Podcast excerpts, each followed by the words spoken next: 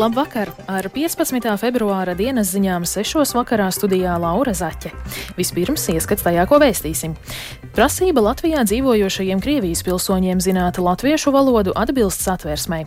Latvijā vairs nedrīkst uzturēties ar Krievijā reģistrētiem transporta līdzekļiem. Hipotekāro kredītu pārkreditēšana būs vienkāršāka un lētāka. Par šiem un citiem tematiem plašāk ziņu turpinājumā.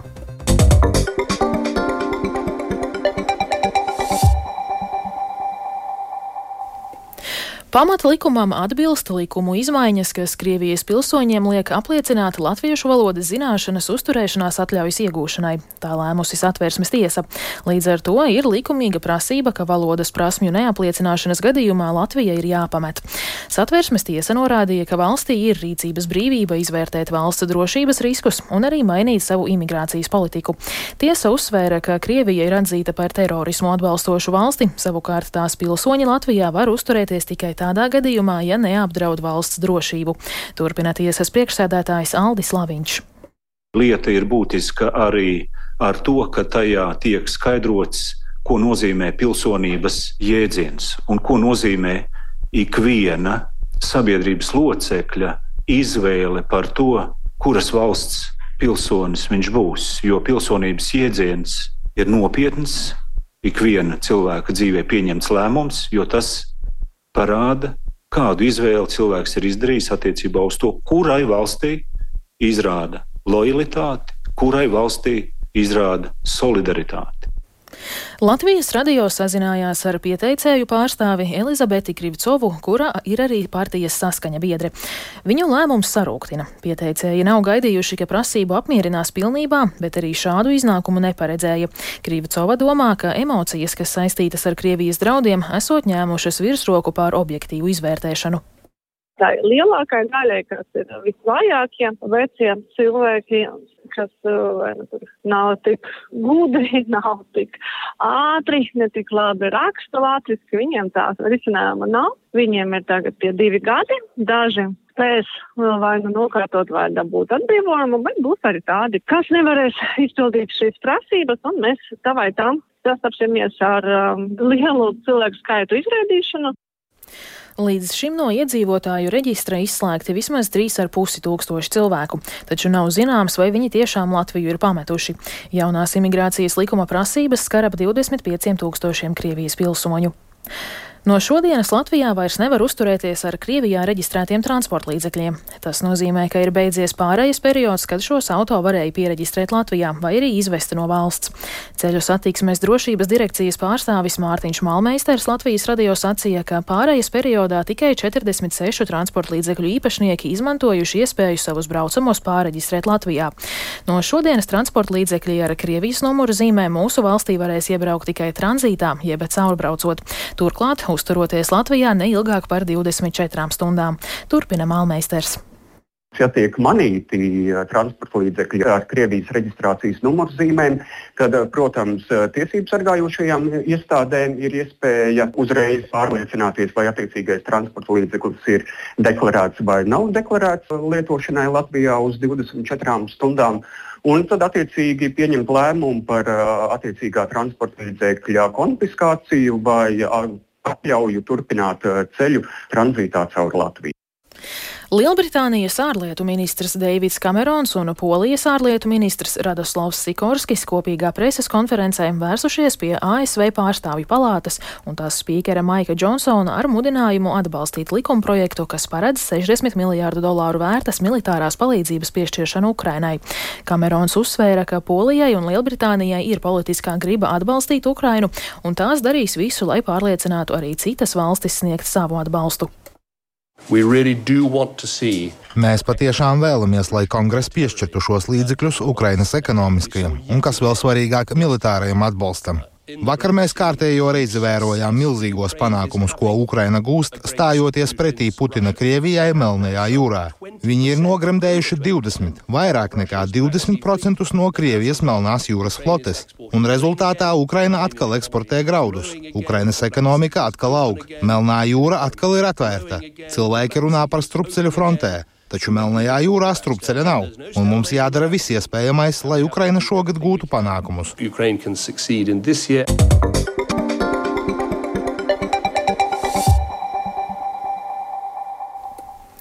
Pārēja no viena hipotekārā kredīta devēja pie cita turpmāk būs lētāka un vienkāršāka. To paredz saimā galīgajā lasījumā apstiprinātie līkumu grozījumi. Paredzēts bankām pilnībā atcelt kompensāciju par pārkreditēšanu un konkurences veicināšanai atcels reklāmas ierobežojumus hipotekārajiem kredītiem. Atbalsts šīm izmaiņām ir arī banku jomā. Vairāk Jāņa Kīņša sagatavotajā ierakstā. Hipotekāro kredītu pārkreditēšanu citā finanšu iestādē Latvijas iedzīvotāji līdz šim izmantojuši salīdzinoši maz, tikai apmēram 2% kredītņēmēju. Iemesli zemēji interesē Latvijā par šo iespēju ir dažādi. Pārkreditēšana ir dārga. Atbilstoši ekonomikas ministrijas aprēķiniem, Latvijas iedzīvotājiem tā līdz šim izmaksājusi no 400 līdz 600 eiro. Pēc likuma izmaiņu spēkā stāšanās pārkreditēšanas maksas vairs nebūs.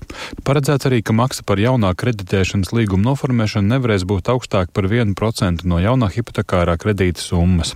Nolūks ir sekmēt banku konkurenci, kredītu nosacījumus padarīt patērētājiem izdevīgākus, tādējādi veicinot kreditēšanu, stāsta Saimas budžeta komisijas vadītāja vietnieks Andris. Šuvājevs no progresīvajiem. Būtībā būs iespēja šo visu procesu nokārtot attālināt, būs iespēja vienkārši izskatīt piedāvājumu, ko iespējams izsaka cita komercbanka, iespējams saņemt pretpiedāvājumu no savas esošās bankas un tad izvērtēt to, kurš piedāvājums ir izdevīgāks. Šīm likuma izmaiņām ir arī banku nozars atbalsts, ko Latvijas radio norādījis Finanšu nozars asociācijas padomnieks Edgars Pastars. Klientiem atvieglos administratīvos izdevumus un arī bankām šo procesu standartizēs. Klientam no bankas, no kuras viņš aiziet, aiziet, nebūs jāmaksā nekāda komisijas maksa. Jaunies regulējums arī samazina arī administratīvās eh, darbības, kas jāveic bankai, no kuras klients aiziet. Varbūt klients nekur neaizies, bet viņam būs mazāka procentu likme, ko būs piedāvājusi aizējošā banka, redzot jaunās bankas piedāvājumu. Pārēj no viena hipotekārā kredīta devēja pie cita maz izmanto arī tāpēc, ka likums neļauj reklamēt šo iespēju, tāpēc atcels reklāmas ierobežojumus.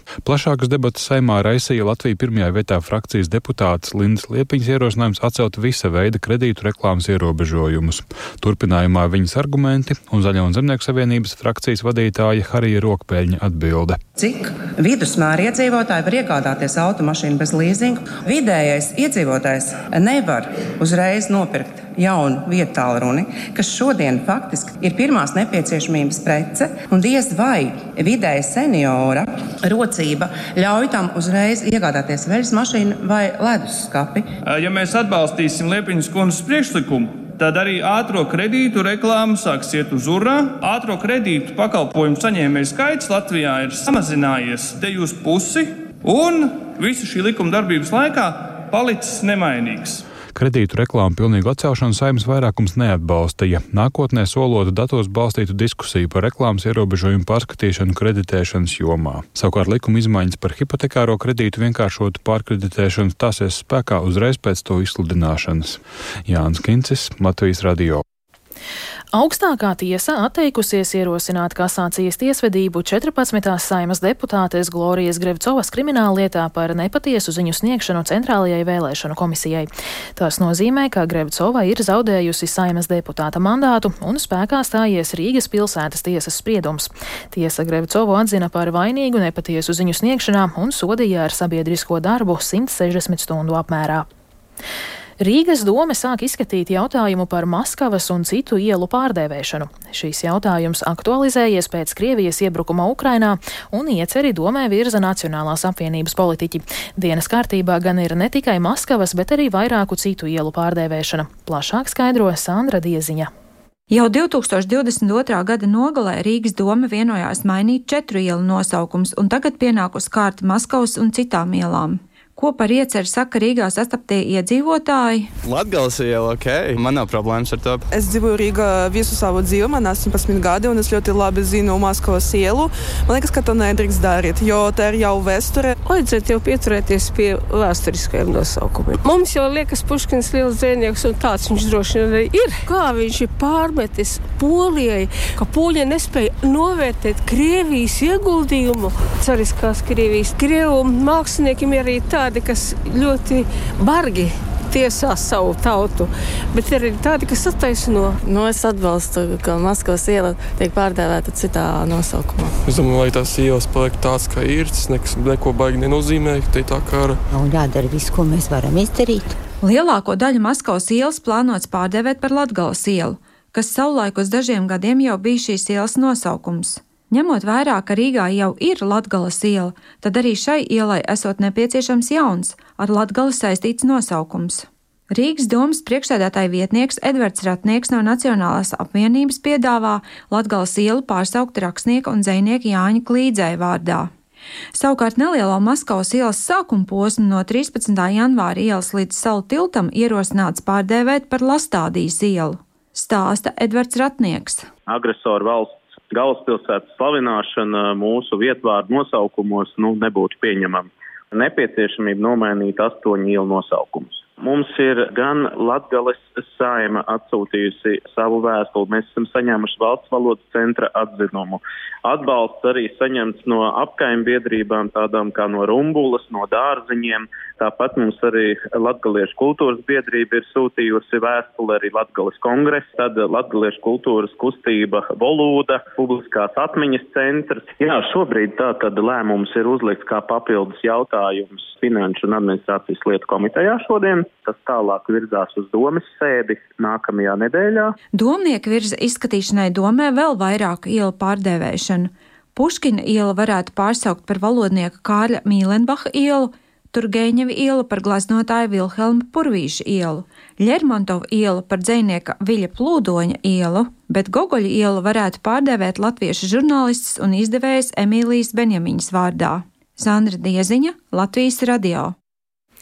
Augšdaugavas novadā vienbalsīgi pieņemts šī gada pašvaldības budžets. Tā ieņēmumi ir plānoti 38,9 miljoni eiro, bet izdevumi nepilni 47,4 miljoni eiro. Augšdaugavas novada domas priekšsēdētājs Arvīts Kucins no Daugavpils novada partijas sacījis, ka ieņēmumu un izdevumu starpību plānots sekt ar pašvaldības rīcībā esošās naudas atlikumu gada sākumā. Finansisti gan arī visām iestādēm, izglītības, sociālām iestādēm, pagastu pārvaldēm to jautājumu skatījās un grieza nos, lai varētu sabalansēt pa nulēm. Nu, ieņēmumos ir 38,9 miljoni, izdevos 47,4 miljoni. Un, nu, starpība nosacās ar pagājušā gada atlikumu. Bet nu, tāds, kāds viņš ir, tāds ir viņš it kā tāds uzmundrinošs beigās, jā, ka vēl nekas nav beidzies. Vēl mēs peldam, jā, bet tā, kā jau rekords Titanikam arī nevajadzēja nogrimt. Bet, nu, tas tāds varbūt nepārāk korekts salīdzinājums, jo valstī pašvaldības nevar nogrimt.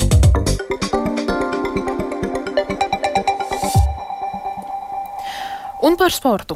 Latvijas Bobslēja un Skeletona federācija šobrīd nekādi neatbalsta Skeletona akadēmiju, kuras paspārnē izaudzināti šī gada jaunatnes ziemas olimpisko spēļu zelta, sudraba un bronzas medaļnieki.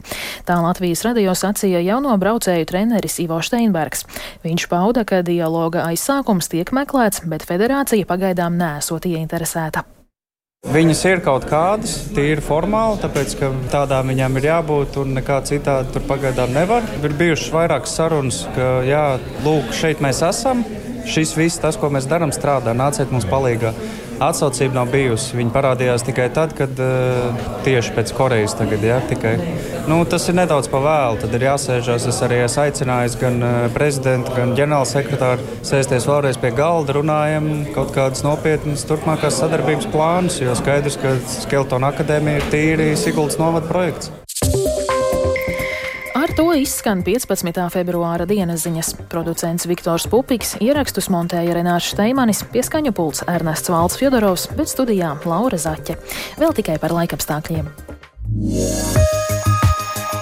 Rīgā šobrīd ir plus 3 grādi un pūš dienvidu austrumu vējš 5 m2, bet par laiku turpmāk stāsta Ilze Golubeva. Piektdien debesis aizklās biezi mākoņu segu un naktī daudz vietā līs un sniks. Valsts austrumos sniks stipri, bet vietām pušot lēnam vējam veidosies arī migla. Gaisa temperatūra naktī svārstīsies no plus 3 grādiem kurzemes rietumkrastā līdz minus 3 grādiem austrumu Latvijā. Savukārt dienā gaisa iesils līdz 0, plus 5 grādiem. Kurzemē termometrs stabiņš pakāpsies pat līdz plus 6, plus 8 grādu atzīmē. Bet, lai arī būs silts, arī dienā būs gaidāms lietus. Līdzīgi laikapstākļi saglabāsies arī sestdien. Vienīgi vējš kļūs nedaudz brāzmaināks, savukārt svētdien gaisa temperatūra atkal pazemināsies un sagaidīsim salu.